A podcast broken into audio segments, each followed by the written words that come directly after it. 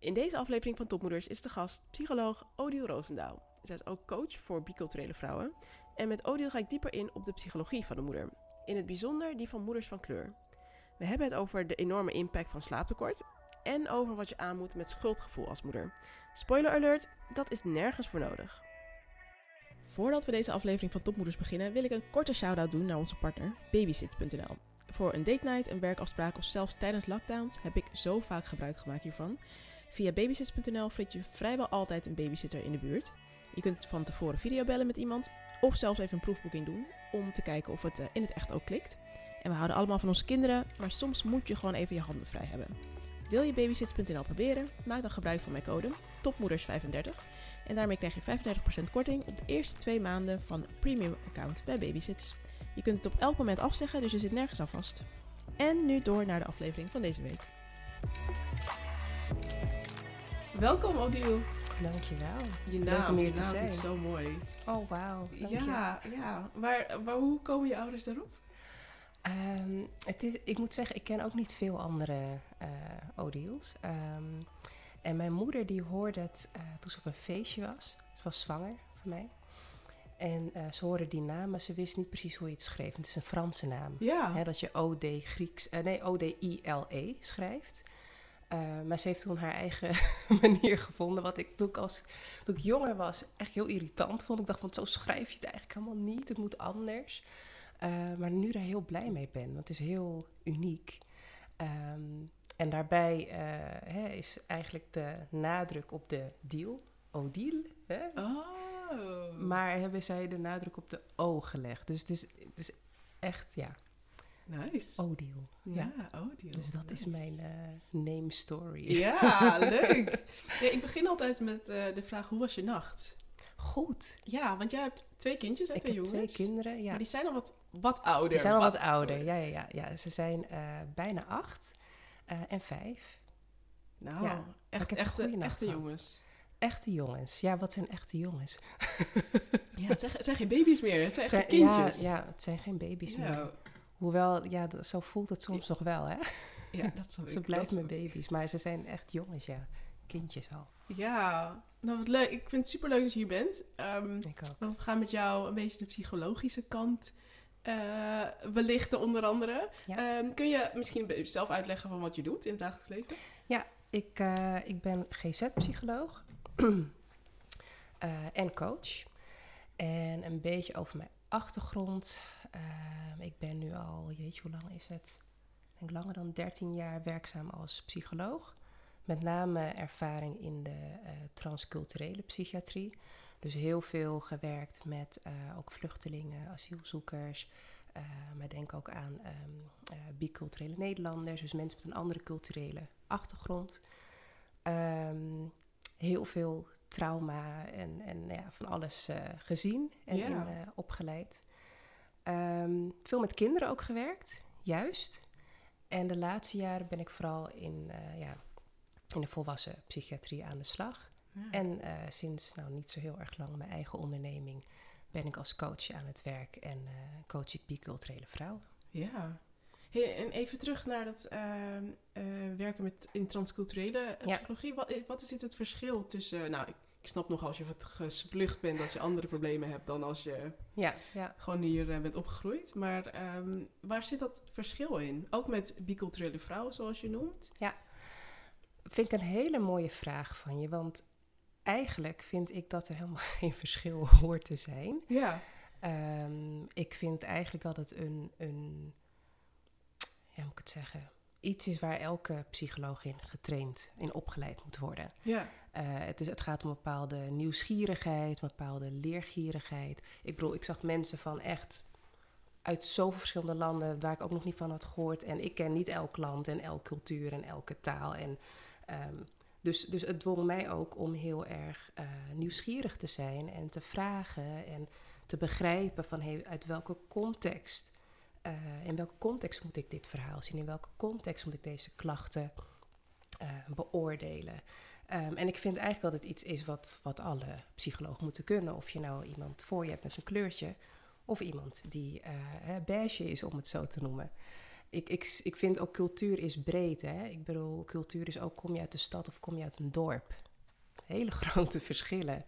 Ehm, maar goed, als, als je praktisch gaat kijken, ehm, denk dus bijvoorbeeld ook aan rekening houden met hoe, ehm, hoe er wordt gecommuniceerd. Rekening houden met gezinsdynamieken, dat dan toch verschillend kan zijn in bepaalde culturen. Denk aan, nou ja, heel, heel bekend, hè, komt iemand meer uit een wij-cultuur of meer een ik-cultuur? Um, en dat, dat moet je gewoon meenemen. Als je dat niet meeneemt, dan zie, je de, dan zie je de cliënt eigenlijk. Dan zie je niet de persoon die voor je zit. Mooi. Ja. En uh, wij-cultuur en ik-cultuur, ik, ik, ging al meteen... Is Nederland een ik-cultuur? Ja, interessant. Ik, ik zou zeggen van wel. Ja. Ik, ik zou...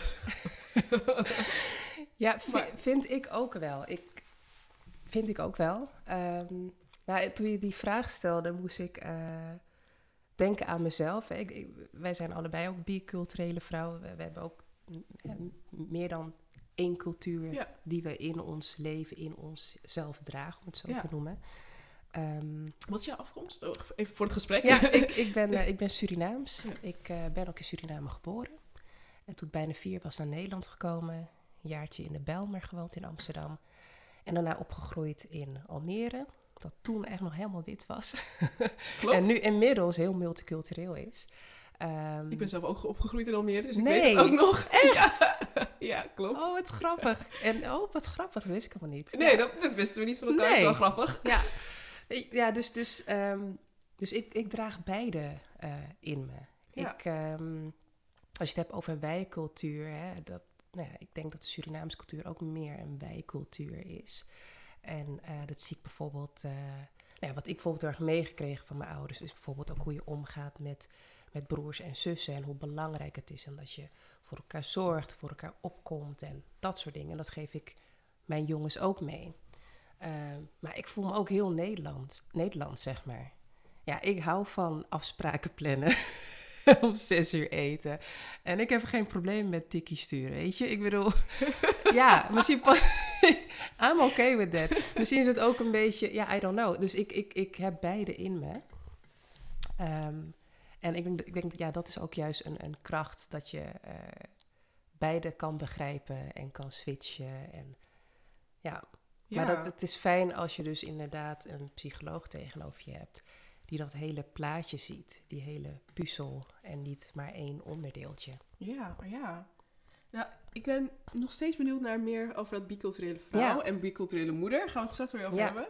Uh, maar ik wil eerst beginnen bij jou. Want hoe, ja. uh, uh, je hebt twee jongetjes. Hoe ging dat bij je eerste? Je ging van onbezorgd, wil ik bijna zeggen, naar, naar moeder. Hoe ging dat? Ja.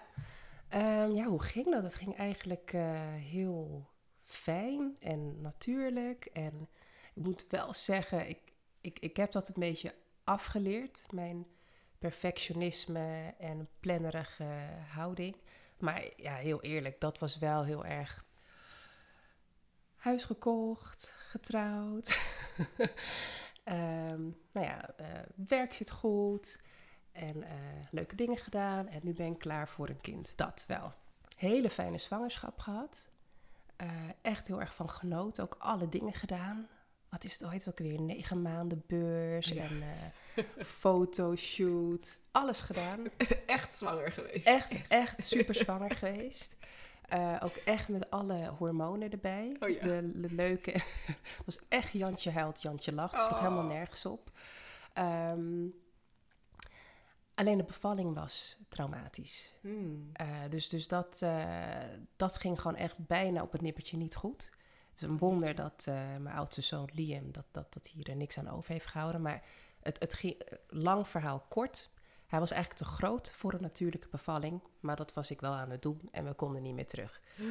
Ja, dus, dus met, veel, met een heel team is hij een soort van uit me gehaald.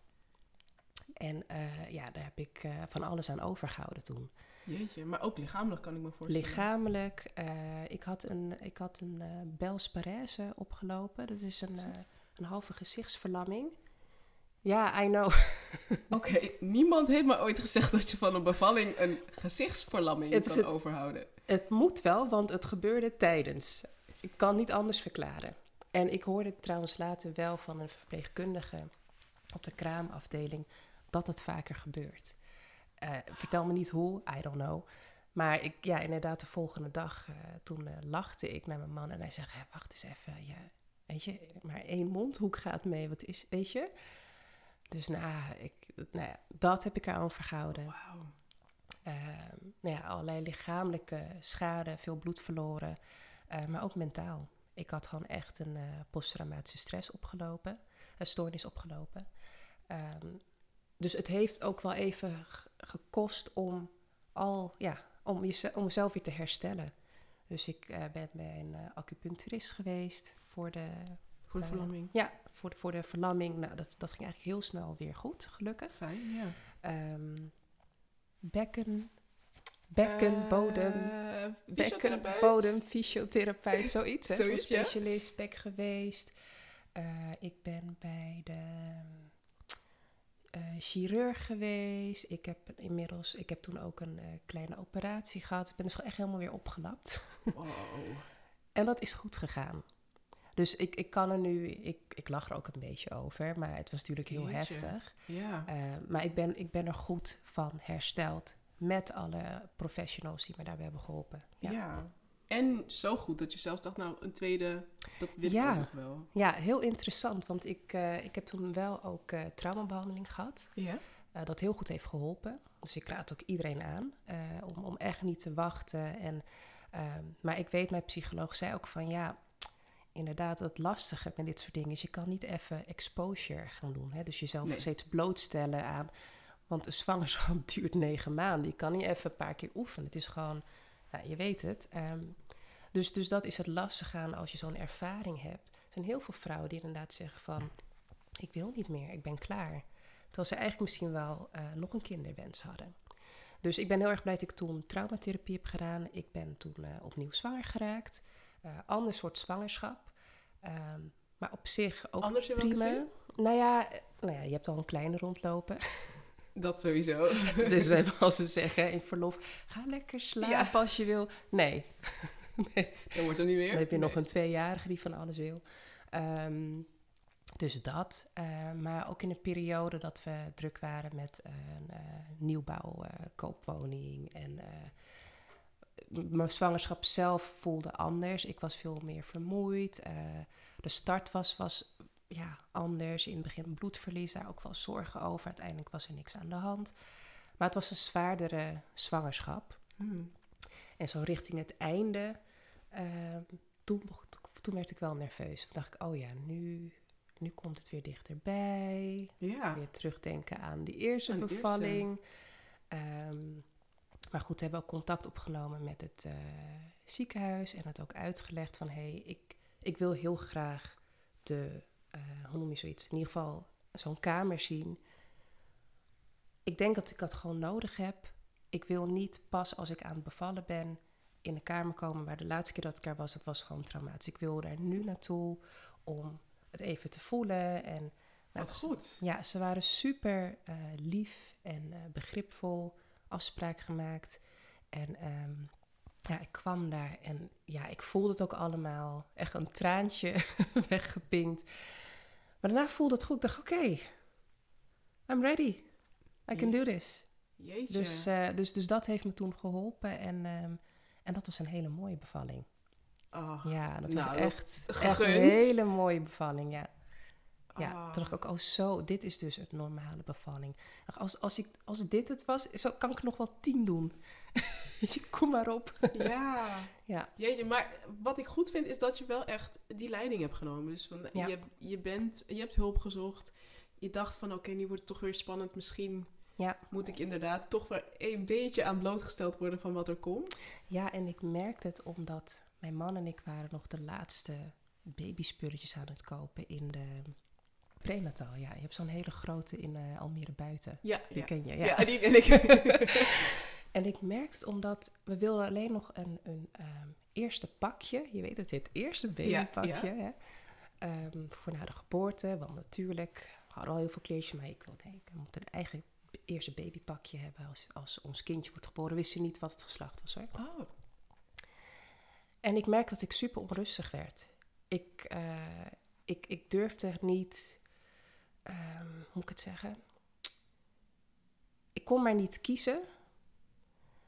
Ik, ik wist niet wat er was. En ineens stond ik daar, hoogzwanger in de prenatal, te huilen. Oh. En toen dacht ik, oh, dit is het. Ik moet terugdenken aan de bevalling. Dat we toen ook een eerste pakje hadden gekocht. Ons kind, uh, Liam de Oud, die is altijd groot geweest, al bij de geboorte. Die, pa die paste zijn eerste pakje genees. Terwijl we gewoon een gemiddeld maatje hadden. Ehm, en dat triggerde het bij mij van, oh ja, daarom vind ik het moeilijk om nu weer een eerste pakje. Het haalt weer van alles terug. Ehm, dus toen heb ik inderdaad hebben besloten van, ja, het is denk ik goed om even naar het ziekenhuis te gaan. En eh, wel een beetje exposure. Ja, ja. ja. ja kan soms in dat soort momentjes zitten dat ineens iets in je lichaam gebeurt. Hè? Dat, dat je lichaam herinnert van hé, hey, wacht even, wat gaan we doen? ja, dat kan ik me heel goed voorstellen. Eh, ik heb zelf ook traumatherapie gehad. Uh, dat is weer een ander verhaal, maar dat heeft te maken met de uh, ziekte van ons middelste zoontje.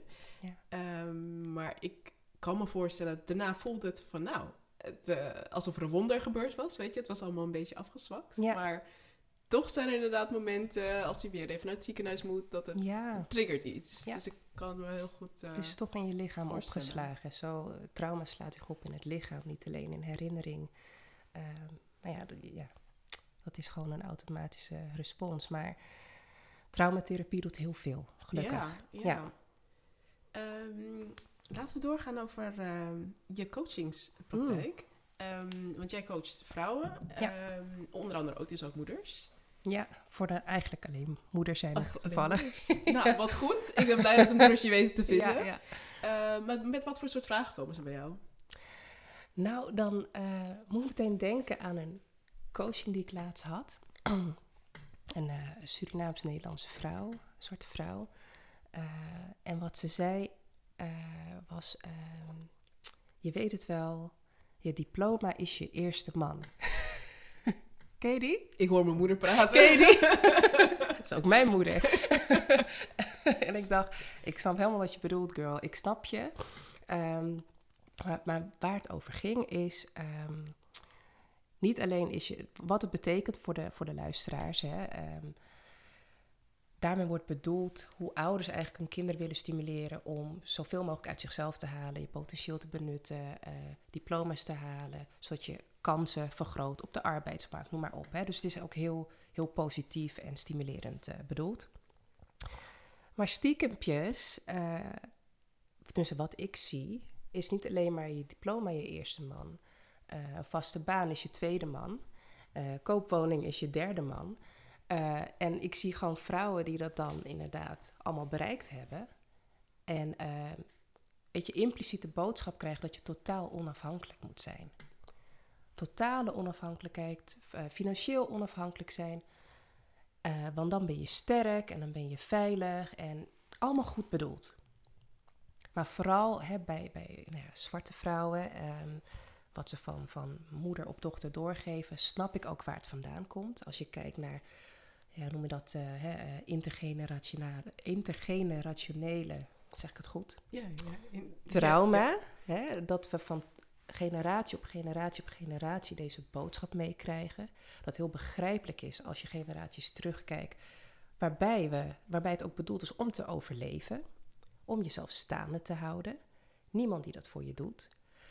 Maar in deze tijd werkt dat niet meer zo. We zijn, we zijn in een andere tijd Waarbij we niet alleen maar die superwoman en die powerwoman. Ik vind powerwoman echt een verschrikkelijk woord. We zeggen ook niet powerman, maar goed. uh, maar dat we niet alleen maar die, die sterke vrouw willen zijn. We zijn ook kwetsbaar, we zijn ook zacht en we zijn ook verdrietig. En soms weten we het ook niet. En soms, weet je, en, en, maar het zijn deze vrouwen die het moeilijk vinden om hulp te vragen. Het zijn deze vrouwen die inderdaad al die vinkjes hebben en dan bedoel ik niet de zeven vinkjes van uh, Luindijk. Andere vinkjes. Andere vinkjes. Hè, van uh, ja, een baan, huis gekocht, getrouwd, kinderen.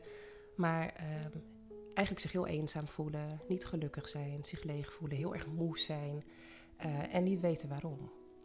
En dan denk ik, het is allemaal heel erg goed bedoeld wat je hebt meegekregen vanuit huis. Het is goed bedoeld wat je hebt meegekregen vanuit je cultuur. Omarm dat ook. Maar wees ook kritisch helpt het je vooruit? Weet je, wat mag je loslaten en wat neem je mee? Dus nou, zo zijn nog veel meer gezettelde biculturele vrouwen die dus hier tegenaan loopt. zijn eigenlijk hele slimme, creatieve, prachtige vrouwen ehm, die ook heus wel weten, die kunnen van alles organiseren, maar op een of andere manier weten ze niet wat die stappen zijn die zij moeten doen om zelf gelukkig te zijn. Nou, en daar help ik hun dus bij om uh, ja, echt hun, hun, eigen geluk op nummer 1 te zetten door hun echte zelf te zijn. Jeetje, er gaat ook van alles. Er gaan overal lampjes bij ja? branden. Wat, wat voor lampjes? Nou, als je, nou, sowieso die vinkjes. Hè? Je moet een man, vaste baan, uh, uh, koopwoning. ik mhm. ben, toen ik een tijdje terug besloot voor mezelf te gaan werken, toen was er natuurlijk paniek. Want, ja, maar waar is je, wie is je baas dan? En wanneer ga je dan een echte baan zoeken? Baan, juist, juist. Dus er was paniek. Dus ik, ik snap het, maar ook um, wat je zegt over dan dat onafhankelijk willen zijn, volledig. Um, zeker nu is dat gewoon lastig als je parttime werkt als moeder. Ja. Je moet het gewoon met je partner doen. Um, en die hulpvraag. Dus wanneer vraag je dan om hulp? En als je om hulp vraagt, ben je dan niet zwak? Juist, dus, ja. Dat zijn uh, al die. Nou, en precies, nou, precies dat wat je noemt. Hè. Um, want als ik dan opnoem hoe ik werk of wat ik doe, dan. Um, het gaat niet om dat ik met uh, plannen moet komen. Hoe, ze zijn slim genoeg om te bedenken, om, om te organiseren, om tijd voor zichzelf te maken. Ze zijn slim genoeg om een oppas in te, huren, uh, in te, um, te boeken, te, te boeken yeah. of om ergens een massage te boeken. Of, ze, ze, ze, ze, weten hun weg wel te vinden, daar gaat het niet om. Het zijn, het zijn inderdaad die kernovertuigingen, die gedachten die ze over zichzelf hebben. Als ik hulp vraag, dan ben ik zwak. Het gaat over, pardon, als ik uh, tijd voor mezelf neem, dan ben ik egoïstisch. Hè? Het gaat om, uh, als ik nee zeg, oh, dan voel ik me schuldig. Het, het constant die zelfsabotage en die gedachten die daaronder zitten, dat maakt dat ze blijven doen wat ze al jaren doen, dat niet voor hun werkt. Dus, dus het is inderdaad, en dat vind ik ook heel erg leuk aan coachen met een achtergrond als psycholoog. Ik hou heel erg van oplossingsgericht en praktisch. We gaan het smart maken. Als je bij mij weggaat, dan, dan moet je weten: oké, okay, waar ga ik mee aan de slag? Maar we moeten eerst dieper. We moeten eerst dieper. Ja, ja. Mooi. Waar ik ook benieuwd naar ben, ja, je werkt uh, naast psycholoog, uh, werk je ook uh, bij slaapmakers, zeg ik het goed hè? Slaapmakend, ja. Slaapmakend. Ehm, een, een praktijk gericht op... Slaapstoornissen. Ja, slaap. Op slaap, op slaapstoornissen. nou ja, weten moeders wel wat van. Ouders in het algemeen, maar weten moeders ook wel wat van. Um, en ik vroeg je al van, wat kun je een beetje uitleggen wat voor effect slaapgebrek heeft mm -hmm. op, je, op je lichaam, op je zijn, op je geest? Ja, ja ik, uh, inderdaad, ik behandel mensen met slaapstoornissen ook. Um, dit zijn mensen die uh, ja, al langere tijd slecht slapen, dus last hebben van slapeloosheid. Um, sorry. En waar, ja, wat is het effect nou eigenlijk? Hoe je het kan zien, ga ik eventjes heel kort door de bocht uitleggen. Maar je hebt zeg maar je sympathische zenuwstelsel en je parasympathische zenuwstelsel. En dat eerste, dat zorgt ervoor, is zeg maar bedoeld voor actie, ondernemen, oplossen, doen. En dat tweede, je parasympathische zenuwstelsel, is juist bedoeld voor herstel, rust. Nou, wat zie je dat die verhouding, of hoe dat werkt, dat raakt verstoord als je slaaptekort hebt. Dus op een gegeven moment zie je dat um, dat men zich wel heel erg moe voelt, maar eigenlijk constant aanstaat. Hè? Dus constant overprikkeld is, waardoor het slapen niet lukt. Um, dus ze komen in een soort vicieuze cirkel van op een gegeven moment alleen nog maar op adrenaline leven. Hè, allemaal van die stootjes adrenaline. Uh, dat helemaal niet goed is. Um, dus, dus uiteindelijk wat we zien is mensen die burn-out zijn geraakt. Um, het heeft effect op je stemming. Uh, je ziet mensen die somber worden, zie mensen die angstiger worden, achterdochtiger worden. Eh, je kan minder goed relativeren, concentratieproblemen. Dus dat, dat is het effect van langdurig slecht slapen. Eh, ja. Ja, maar dit ja, klinkt het is zeg maar dus eng, hè? Every mom. Ja. ja, ja, velen wel, ja. Ja. De meeste wel, klopt. ja. Want het is ook, waarom ik het zo belangrijk vond, is... Je gaat een beetje aan jezelf twijfelen. Zo van, ben ik nou gewoon... eh, ben ik gek aan het worden? Of ben ik ook... Ga mijn kopje. Ehm, ja, Ben wat je is met me aan twijfelen de over? hand? Van, Twijfelen over ik wat? ben anders dan, dan voordat ik moeder werd. Weet je, ik, eh, ik kan dingen minder goed aan. Of Ja. ik kan ehm, Ja, dat is misschien niet goed prioriteiten stellen. Zo van, wat, moet- wat moet er nu gebeuren? Je, Ja. je bent een beetje... eh, Iemand anders zei watten in je hoofd. Je bent een beetje Ja, zo, in je nou, hoofd. precies. Dat. Je omschrijft het heel goed. Ja, Dat gebeurt. En, en als je dat ehm, te lang hebt, dan, ehm, dan ga je jezelf twijfelen heel erg. Eh, kan je hè, daar weer problemen hebben. Duurt het nog langer, dan kan je echt hele erge klachten ontwikkelen. Uitvalsverschijnselen, eh, onverklaarbare lichamelijke klachten. Ehm, dus het is gewoon, ja, slaap is heel belangrijk. ja. Eindconclusie, slaap is heel belangrijk. En dus juist omdat je, ja, als je bijvoorbeeld net een kindje hebt, is dus belangrijk om extra eh, momenten te creëren van rust en ontspanning. Zelfs als je niet per se kan slapen, ehm, rust en ontspanning. En ik moet dus ook weer denken aan wat er dan in die kraamperiode wordt gezegd. Hè? Nee, als een baby slaapt, moet je ook gaan slapen. Niet snel nog een wasje draaien. Vinden moeders heel moeilijk, vind ik ook. hoor. ja. Ehm, maar het is waar. Het is echt waar. En het is ehm, vooral voor kerstverse moeders eh, zo dat als je in die eerste periode goed slaapt, dat dat de kans op een postnatale depressie gewoon enorm verkleint. Ah. En dan hebben we het echt over de eerste week goed slapen. Hè? Dus, dus zo eh, groot is die impact. Jeetje. Ja. Ja. Hey, en dan, ehm, want we hebben het over moederschap en carrière. Want knal hier dan ook nog eens presteren, zeg maar, bij. Nou, hè? Ja. Ehm, wat, error, denk ik. Maar ja, wat gebeurt er dan? Wat gebeurt er dan als je moet nog, eh, je moet nog nog presteren, presteren. op het werk? Ja, Ja. ja, weet je, je moet de lat lager leggen. ja. Dat, dat is mijn bold advice. En ik weet dat heel veel moeders het helemaal niet willen horen. Want die denken, nee, ik wil dat ook perfect doen. En al die ballen in de lucht. En ik, ja, ik, je moet een paar ballen laten vallen. Daar komt het op neer. Ehm, genoeg vrouwen, en daar val ik ook onder, die dat echt allemaal kunnen. Maar dat is nooit voor de lange termijn. Nooit. Ik heb het nog nooit meegemaakt. En als je dat wel ziet, waarschijnlijk op social media, is het fake. Luisteraars, luister goed. Ik herhaal hem. Als je dat ziet of als iemand dat pretendeert, het is fucking fake. Het bestaat niet. Het bestaat niet. Het, het kost altijd iets. En dat iets, dat zie jij misschien niet, maar dat iets is, het kost hun partnerrelatie. Het kost hun, ehm, eh, hè, dat, dat ze misschien eigenlijk helemaal geen positief zelfbeeld hebben. Het, het zorgt voor heel veel stress. Het weet ik veel wat, maar het kost altijd iets. Ja. ja. Dus perfectie mag je weggooien, Yes. zegt de perfectionist. Hè? Ik, ben een recovered perfectionist. Recovered, zeg je ook. Ja. Ja, want hoe pak jij het op dit moment aan? Je hebt die perfectie heb je al een beetje laten gaan bij de eerste, denk ik. Ja. Ehm, maar je bent druk bezette vrouw, want je bent heel hard aan het werk. Ja. En je partner is ook aan het werk, volgens Ja. mij. Ehm, werken jullie allebei fulltime? Of hoe hebben jullie dat verdeeld? Nee, ik heb nooit fulltime gewerkt. Ehm, omdat ik dacht, dat is volgens mij niet voor mij. En ik, ik verdiende genoeg samen met mijn partner. En ik vind mijn vrijheid ook heel erg belangrijk. Dus, eh, dus dat heb ik nooit gedaan.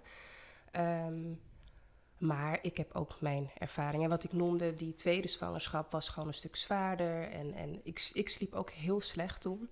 Ehm, waardoor ik keuzes maakte die achteraf helemaal niet goed en gezond voor me waren. Toch door ben blijven gaan. Nou ja, lang verhaal kort, in een burn-out eh, gekomen. Ehm, dus ik heb ook zo mijn ervaring waarbij ik weet, oké, dat gaan we niet meer doen. En Wat was voor jou de reden ehm, dat je uiteindelijk in de burn-out kwam in eerste instantie? Ja, en dat, dat is dus slaaptekort. Slaaptekort. En ehm, ik, ik wist niet zo goed wat de reden was, omdat we vaak het idee hebben dat je burn-out raakt als je workaholic bent, als je veel te veel eh, op het werk geeft, veel meer dan dat je hebt. En dat was niet zo, dat deed ik niet. Ehm, maar zeg maar, burn-out gebeurt als je gewoon structureel over je grenzen gaat, als je structureel roofbouw pleegt op je lichaam. En dat kan dus uh, in het werk zijn, dat kan privé zijn, dat kan eigenlijk overal zijn. Je ziet het ook veel bij mantelzorgers, Mm. hè, die eigenlijk uh, gewoon niet, niet meer hebben, maar blijven geven. Um, en in mijn geval, en ik denk dat het grotendeels hormonaal was, mijn zwangerschap sliep ik gewoon heel slecht. Um, dus ik had enorm slaaptekort, maar deed wel al die dingen die ik normaal deed. Naar werk en, en hey, je hebt je kind uh, nog van, twee die rondloopt en uh, boodschap. Dus ik bleef dat doen, terwijl eigenlijk had ik het niet.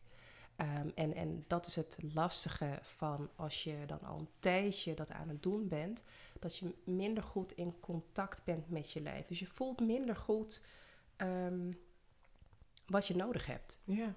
Uh, dus, dus dat is waardoor het nog slechter gaat. Je komt Ja. in een soort neerwaartse spiraal. Nou, en bij mij, uh, nou, baby was geboren, we waren verhuisd, die koopwoning. Um, Want waarom niet alles tegelijk? want waarom niet alles tegelijk? Dat is ook van dingen. Altijd tegelijk. gedaan, dus- Wat is dat? Altijd tegelijk. Um, ik was een half jaar aan het werk. En, uh, nou, of een paar maanden. Een paar maanden weer aan het werk. En het ging niet meer. En uh, dat hoor je natuurlijk ook vaker als er een rustmoment komt. Als je niet meer hoeft te overleven. Ja. Dan stort je in. Nou, en dat gebeurde dus uh, ook bij mij. En dat was gewoon echt slaaptekort bij mij. Jeetje. Ja. En hoe ben je er uiteindelijk uitgekomen? Uh, ik ben een aantal maanden thuis geweest van werk. Um, wat het lastig maakte is dat onze tweede zoon, Kiran, ja, die, die, die, die, sliep niet zo goed. Of, ik vind het altijd moeilijk om te zeggen sliep niet goed. Een kind slaapt zoals het slaapt. Um, maar in ieder geval, jij had een slaaptekort door. Ik had slaaptekort daardoor. Dus, dus mijn herstel was ook wat duurde ook wat langer, omdat ja, dat ging gewoon door de nachten. Jeetje, dus je bent tegelijk van een burn-out aan het, aan het bijkomen, ja. aan het herstellen, terwijl je een Terwijl je nog steeds die hebt. verschrikkelijke nachten hebt. Oeh. Ja, dus, dus dat was ook moeilijk, maar uiteindelijk is het wel gelukt, omdat ik dus dan um, inderdaad overdag ook dutjes deed en wat ik trouwens niet adviseer hè, voor mensen met slaapstoornissen. Als je nu denkt, ook ga, moet je niet doen, dat is een ander verhaal. okay. Maar om te herstellen van burn-out moet je heel goed weer leren luisteren naar je lichaam. Dus ik ging, en nou, er is een heel stappenplan voor, maar echt weer leren luisteren naar je lichaam. Ja. Dus dan had ik uh, de vaatwasser uitgeruimd. En dan moest ik weer even een uur niks doen. Ja. Kopje thee drinken. Wat de meeste mensen waarschijnlijk niet zouden doen. Nee. En dan, dat, dat, dat zei uh, de arts dan ook van, ja, dan heb je boodschappen gedaan. Dan laat je de boodschappen, dan ga je even zitten. En dan pas ga je ze opbergen en dan ga je weer even zitten. Mijn OCD en, begint al een en dan, beetje Nou ja, snap je? dus, dus het kwam erop neer dat ik op een dag bijna niks deed. Eén activiteit per dag. Um, ik probeerde um, zo min mogelijk uh, in omgevingen zijn waar waar heel veel prikkels waren. Um, en dat, en, en leren luisteren naar mijn lichaam. Ik wist niet meer of ik honger had of niet. Jeetje. En ik, voordat ik uitviel, zeiden mijn collega's al van... Goh, je bent wel heel erg afgevallen. En ik dacht, ja, borstvoeding. Ja, ja. Want zo ging de eerste keer ook. Ja, die borstvoeding was gewoon uh, een soort natuurlijk dieet voor mij. Terwijl ik gewoon, gewoon normaal en goed at. Um, maar ik had niet door dat ik was afgevallen. Ik voelde dat ook niet in mijn lijf. Ik... Dus ik moest echt denken van, nou, heb ik honger of niet? Nou, ik ging dus maar gewoon op gezette tijden eten, ook al had ik geen honger. Dus, dus dat bedoel ik met echt niet meer in contact met je lichaam zijn. Niet meer voelen of je honger hebt of niet. Niet meer voelen of je slaperig bent of niet. Dat is omdat dat sympathische zenuwstelsel alleen maar aan het vuren is. En je moet eigenlijk tot rust komen. Ja. En dat doe je alleen maar door rust te nemen. Je kan het niet afdwingen. En dat is ook vaak wat, wat vrouwen vragen. Hoe lang duurt het dan? Zolang als dat het nodig is, mis. ja, ja, ja, ja. ja. Ja, jeetje. Dus nou, het beste is sowieso om te voorkomen dan. Het beste is voorkomen. In ja. die situatie terechtkomt. Um, wat, wat werkt voor jou nu? Je hebt al een paar dingen opgenoemd. Zo van uh, um, uh, je rustmomenten nemen. Maar wat, wat doe jij nu actief om in ieder geval te voorkomen dat je eventueel weer in een burn-out raakt? In ieder geval dat je gewoon een goede balans hebt. Ja, ja, kijk, iedereen moet daar zijn eigen weg in vinden, maar ik vind het heel fijn om te wandelen. Ik vind het heel fijn om te mediteren. Ehm, ik vind het heel fijn om ehm, te schrijven in mijn dagboek. Dat helpt me ook om bepaalde dingen te verwerken, bepaalde inzichten op te doen. Ehm, en wat ik laatst deed, een momcation. Gewoon lekker alleen weggaan en uh, weet je, tegen de man en kinderen zeggen: Tjallas, ik ben weg. Al is maar een nachtje, hoeft helemaal niet ver of lang. Heerlijk. Dus dat, dat soort dingen. Je, maar je moet het plannen en je moet het doen. Ja, ja. Ja, het komt niet vanzelf. Nee, zeker niet. Um, om weer terug te komen bij uh, de biculturele moeders. Ja. Wat merk je um, wat die... Uh, is biculturaliteit een woord? Ja, is een woord. ja, wat merk je dat die twee culturen bij moeders uh, voor invloed hebben op hun moederschap? Op de manier waarop ze daarmee omgaan? Ja, wat ik zie is... Um, ik, ik, ik heb het idee dat de meeste moeders um, dat, dat eh, goed kunnen integreren. Maar de moeders die ik help, die lopen wel eens vast uh, in de zin van. Um, want kijk, je, je, echte zelf zijn betekent ook je kinderen mogen opvoeden zoals jij dat wil. En soms is dat dus anders dan hoe jouw ouders en weer die ouders en die ouders het hebben gedaan. Um, is dus mogen kiezen om misschien met bepaalde tradities niet mee te doen. Of half mee te doen. Of anders mee te doen. Um, maar dat betekent dus ook dat je daar een reactie op krijgt. Want we hebben het altijd zo gedaan. Of zo hoort het in onze cultuur. En um, onbegrip of vragen. En wat ik zie, deze moeders die zijn, nou, hebben een heel groot hart. Veel met anderen bezig de, de angst is van als ik voor mezelf kies en voor mijn eigen manier van leven, mijn eigen manier van opvoeden, dan verlies ik of het respect, of dan verlies ik de steun, of wat het ook is, vul maar in van mijn familie, van mijn community. Dan wordt er anders naar mij gekeken. Dan, hè, daar zit een angst van, dan, dan hoor ik niet meer bij ja, mijn, mijn gemeenschap, wat heel belangrijk is. Ja. Um, en, en daarom, toen ik in het begin ook zei, van daarom vind ik het zo belangrijk dat elke psycholoog uh, cultuursensitief werkt. Want ja, doorsnee antwoord van een psycholoog zijn die, die dat niet doet, is ja, maar je kiest gewoon voor jezelf. Hè? Heel individualistisch en westers. En, maar dat kan diegene doen, maar dan gaat, hij heel, gaat ze heel uh, uh, onzeker en eenzaam en ongelukkig van worden. Want je wil niet dat deel verliezen. Maar het is dus vaak wel een puzzel van: oké, hoe kan ik uh, voor mezelf kiezen terwijl ik in verbinding ben met, met de ander? En misschien klinkt het nu een beetje vaag, maar dat is per persoon weer um, ja, anders. Ja, ja. ja. Maar ook um, in gesprek gaan lijkt me.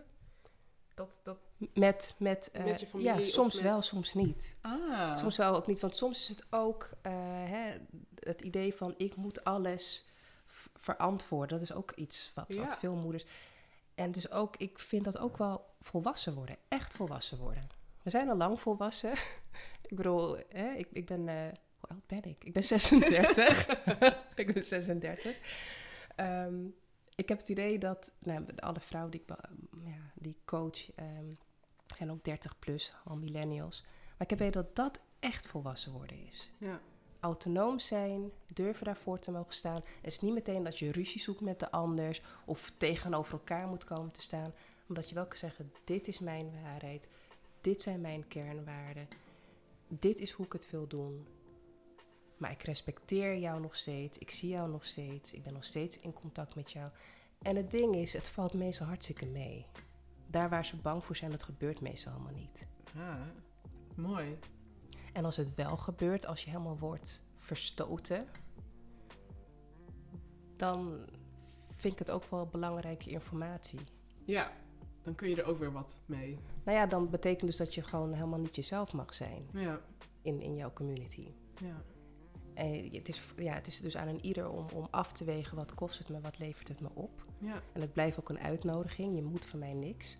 Maar ik spiegel wel hè, van wat doet het voor jou. Ja, ja. En ik vind het wel um, opvallend dat je zegt van je hebt heel veel moeders. Want ja. moeders staan er toch wel onbekend om als laatste voor zichzelf Ja. te gaan zorgen, als laatste hulp te gaan zoeken. Ehm, zijn, het, zijn het een bepaald soort moeders die bij je terechtkomen? Of hoe, hoe zijn zij die drempel overgegaan? Van oké, ik ga toch hulp zoeken. Ja, oh, goede vraag. Moet ik even over nadenken. Hoe zijn ze toch die drempel overgegaan? Nou ja, de, de mm, vrouwen die mij benaderd hebben, die volgden mij ook al een tijd. Dus ik, ik, dus ik denk toch ook wel het, ehm het Dat ze jou zien. kennen misschien. Ja, dat. Ik bedoel, want er zijn natuurlijk, nou je weet, het zijn zoveel coaches. En die zijn, eh, volgens mij is het echt exponentieel toegenomen eh, sinds vijf jaar. Dus er zijn genoeg coaches. ehm, maar het is wel belangrijk dat je een coach kiest die, waarbij het idee van die snapt me. Of die, die heeft het zelf ook meegemaakt. Ehm, dat. Maar er zijn ook een aantal die, ehm, ja, die uiteindelijk gekozen hebben voor een coachingstraject bij mij ehm, na een online masterclass die ik heb gegeven. En dat ging dus echt over de top vijf eh, meest gemaakte eh, fouten, meest gemaakte fouten die eh gezettelde vrouwen maken als onder, onder druk staat. Ja, Hmm. en daar heb ik gewoon heel wat pijnpunten geraakt. Interessant, ik wil ik ook wel weten.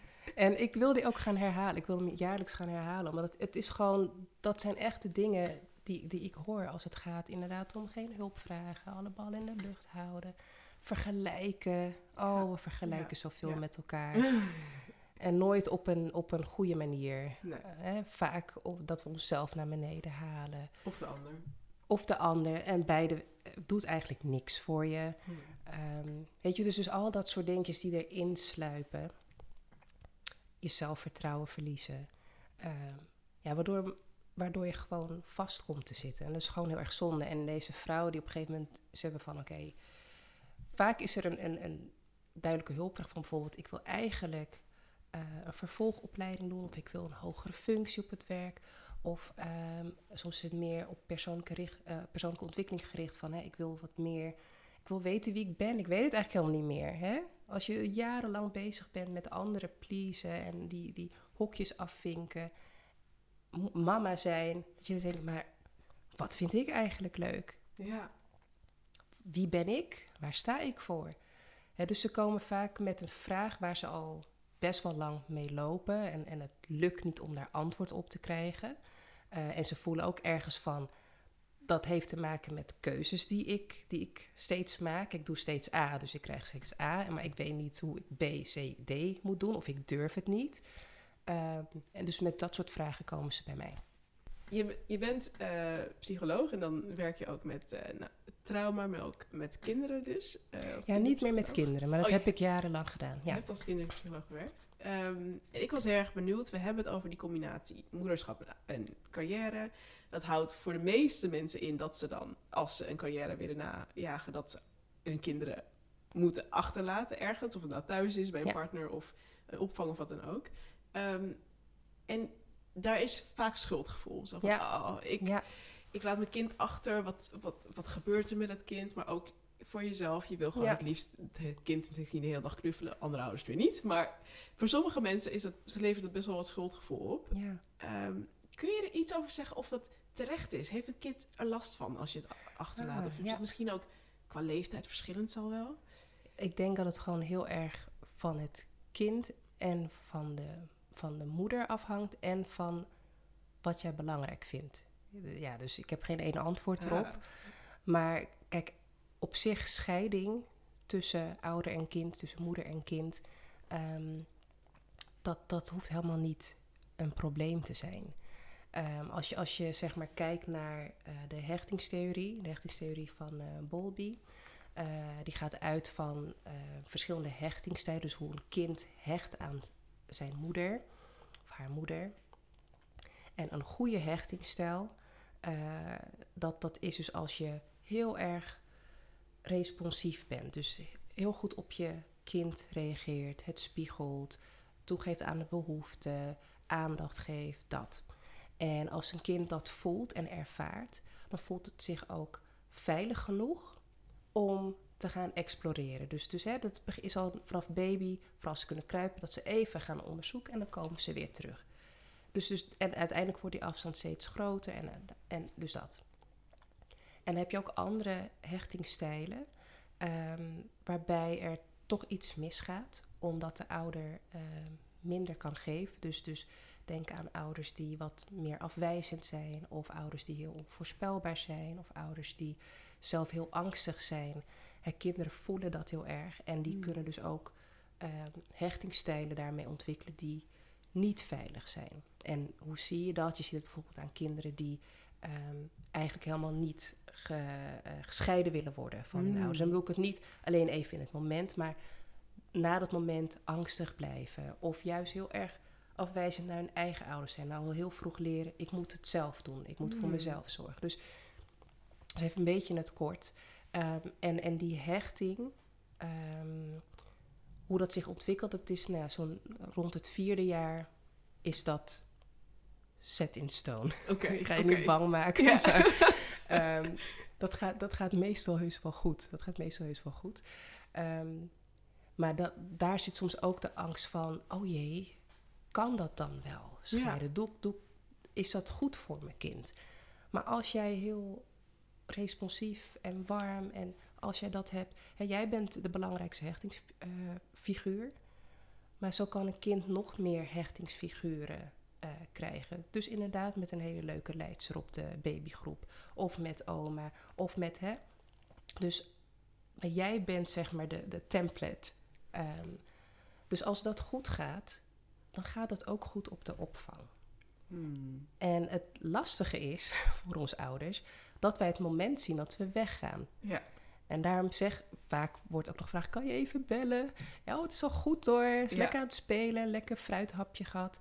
Ehm, dat gaat gewoon meestal wel goed. Ja, ja. Maar wat ik al zei, het hangt van het kind af. Eh, hè, want zo zijn er ook kinderen die kwetsbaarder zijn, meer nodig hebben, iets. Dus, dus kijk naar je kind. Is het te vroeg om al naar de opvang te brengen of nog niet? Kijk naar je kind. Ehm, want sommige kinderen hebben ook startproblemen of, of hè, nou ja, stoornissen, maar op. Dus kijk naar je kind, maar ook kijk naar jezelf. Wat vind jij belangrijk? Met ons eerste kind hebben we, eh, heeft hij, is hij de eerste jaar niet naar de opvang gegaan.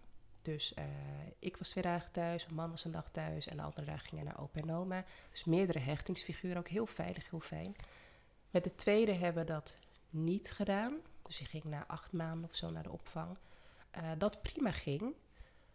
Maar ik voelde me schuldig, want eigenlijk wilde ik dat niet. Eigenlijk wilde ik dezelfde ervaring die ik had met onze eerste zoon. Hmm. Maar het is niet dat het hem beschadigd heeft. Ik weet dat. Ja. Uh, dus, dus daarom, als ik het heb over ja, schuldgevoel, is het terecht of niet, is het schadelijk? Uh, kijk naar wat moeder en kind, Nodig en vader hebben. ook, maar nodig hebben daarin. Ja. Ja. Mooi. Ik, uh, ik herken dat heel erg met onze derde, denk ik nu denken. hij is nu vijf maanden en hij gaat nu pas naar de opvang. Ja. Elke keer heb ik toch wel een soort van... Ja. My baby. Ja. En we weten ook van, nou, zoals, als het gaat voor ons planning, is dit de laatste. ja. Dus het is gewoon extra moeilijk. Nou, dat is het ook, die, ja, die- snap ik. Die, ja, dat, die afstand. En dat Die afstand, ja. ja. Ja, en wat, wat lastig is, want dat kreeg ik toen te horen toen ik eh, op, het, op het werk eh, kwam. ehm, dat er andere moeders waren die mij de boodschap gaven: Oh ja, dat schuldgevoel. Dat hoort, er, dat hoort bij moederschap. En ik nam dat ook aan als zoete koek: van oh, het hoort erbij, dus ik ben normaal. Weet je dat, hè? Ja. Dus het, terwijl als ik nu terugkijk, denk ik: nee. Nee. Had je het anders gedaan? Ik had het anders willen doen. Maar gewoon, en ik zeg ook niet dat je nooit schuldig mag voelen, dat dat nooit mag. Maar eigenlijk alsof, het werd als een waarheid verkondigd dat je als moeder schuldig voelt. Dat erbij hoort. En ik heb nu besloten, nee, daar ben ik niet mee eens. En eh, nee, het schuldgevoel kan jou iets vertellen over jouw behoeften, iets over jouw dromen, over de keuze die je hebt gemaakt. En ga daarmee aan de slag. Maar gewoon passief het ontvangen schuldgevoel en dat hoort bij moederschap. Nee, nee. Ik voel me dus ook niet meer vaak schuldig.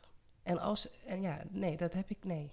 Ik vind het een hele mooie. Niemand, niemand heeft er iets aan. Wat, wat, hoe helpt schuldgevoel? Ja, want als je je dus wel schuldig voelt, dan weet je, oh, er- is iets aan de hand. Er is iets aan de hand. Ik ben ergens ontevreden over. Ik heb iets gedaan dat misschien niet past bij mijn kernwaarden. Of iets wat ik anders willen doen. Of we voelen ons wel schuldig als we toch zijn uitgevallen als kind. Ik denk, ah, ja, eigenlijk zat ik altijd hier. En ik had even rust moeten nemen en ik heb nu toch mijn stem verheft. En dan ga ik ook naar mijn kind toe. Dan zeg ik sorry. Mama had niet zo tegen je mogen praten. En dan maken we het goed. Maar gewoon alleen maar schuldgevoel laten sudderen in je. Nee. Ben ik niet mee eens. Gaan we niet meer doen. Gaan we niet meer doen. Nee. Ik denk dat dat, dat een mooie afronding is. Gaan we niet meer doen. en als je het wel doet, trek aan de bel. Want het is niet nodig. En het, oh, het kost zoveel energie. Zeker. Ja. Zeker. En die energie heb je al hard nodig. Vooral als je slaaploze nachten hebt. Precies. En we zijn weer rond. Dan zijn we weer rond. Maar ik wil met je afronden met eh, drie vragen. Oké. En één is, eh, wat is je grootste motherfucker? Oftewel, wat is de grootste onaangename verrassing van het moederschap? Oh. Oh, wat een leuke vraag. Ik vind hem ook leuk gesteld. Grootste motherfucker. Ehm.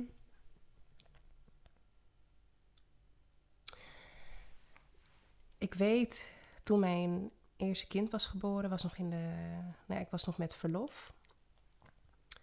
En dat het toen kwam het ineens binnen. Ik keek naar hem. Hij lag lekker in zijn, eh, in zo'n, eh, hoe heet het? Eh, Jesus, een box, ja. Ehm, en ik, en ik, ja, verliefd op mijn kind natuurlijk. En dat toen ik zwanger was, ik steeds heel erg bezig was, maar dat ik het heel spannend vond dat ik voor de rest van mijn leven verantwoordelijk was voor een ander mensje. Ehm, en ook als het volwassen is, heb je ergens een van je wil dat je kind eh, gelukkig is, dat, dat je in ieder geval dat kan doen, dat wat je kan geven, dat je het kan geven. Dus daar was ik heel erg mee bezig. En ik weet, nou, hij was misschien denk ik eh, een maand oud of zo. En ik keek naar hem. En toen kwam het binnen bij mij. Dat ik dacht, oh, hij niet alleen afhankelijk van mij. Ik ben afhankelijk van hem. In de zin van, ik kan niet zonder hem. Dat is zo'n eng gevoel. Oh ja, inderdaad. Dat is de zegt. biggest mo- motherfucker van ouders zijn. Daarom zeg ik, ik vind het mooiste en het verschrikkelijkste tegelijkertijd. Het is, ik krijg bijna tranen in mijn ogen, maar het is zo mooi, maar het is, je bent zo kwetsbaar als ouder. En je vertelt over, je hebt verteld over jouw kindje dat, dat ziek is geweest. Ja, Ehm, het is zo doodeng. Ja, In die, in die, die zin afhankelijkheid. Hè? Ik bedoel dus niet een ongezonde afhankelijkheid waarbij kinderen voor ouders moeten zorgen. Maar dat ik denk, ik kan niet zonder jou leven. En, en er zijn verschrikkelijk ouders die dat helaas meemaken. Ehm, en dat is hun journey. Hoe je, ik kan het me niet voorstellen. Nee, nee. Wil ik ook niet. Ehm, maar dat is Ja. echt de grootste motherfucker. En, en ja, je kent hem. Dat, dat, hoe, hoe groter ze worden, hoe verder ze gaan. Loslaten. Ze willen exploreren. Dat je alleen, hè, veiligheid, veiligheid op alle soorten manieren. Straks wordt mijn kind overgereden. Straks al die enge gedachten die elke ouder heeft, die je moet onderdrukken. Want anders Ja. leef je niet. En je kind ook niet. En je kind ook niet, anders word je zo'n super angstige. Maar dat is de, echt de biggest motherfucker. Ja. Ja, sindsdien, mijn, man, mijn man heeft het ook hoor. Kunnen wij niet, gewoon die leuke animatiefilms, Disneyfilms, kan ik niet meer normaal kijken. Altijd zijn wij met z'n tweeën aan het huilen en de kinderen, ja, daar gaat mama weer.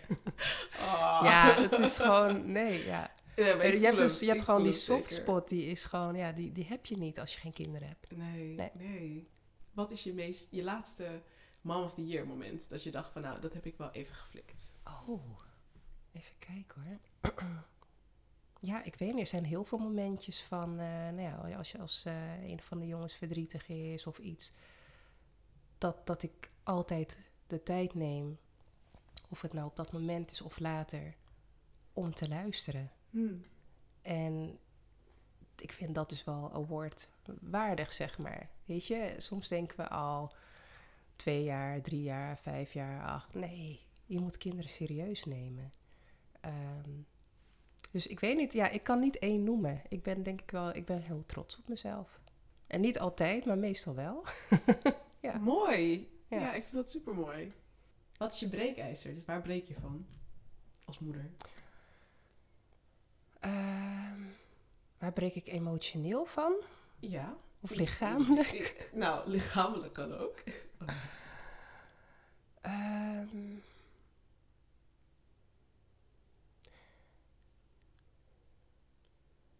Waar breek ik van? Heeft misschien ook een beetje te maken met wat je net zei over... Ja, het is een beetje... ehm, Even kijken hoor. Ik, en dat- dat is iets inderdaad wat niet alleen om mijn eigen kinderen gaat, maar... Dus ik weet niet of jij het ook zo ervaart hoor, maar... Als je moederhart hebt... Ja, ik ga echt niet... Ik ga heel niet huilen vandaag hoor. maar dan, dan heb je een moederhart voor alle kinderen.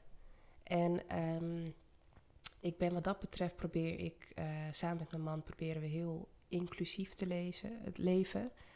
Ehm, en daarmee bedoel ik dus ook, ook in onze opvoeding wat we meegeven over dat je echt jezelf mag zijn, hoe dat ook is. Maar dat, dat, zo sta ik ook in het leven naar anderen toe. En waar breek ik van als je als kind dat gewoon niet kan zijn? Hmm.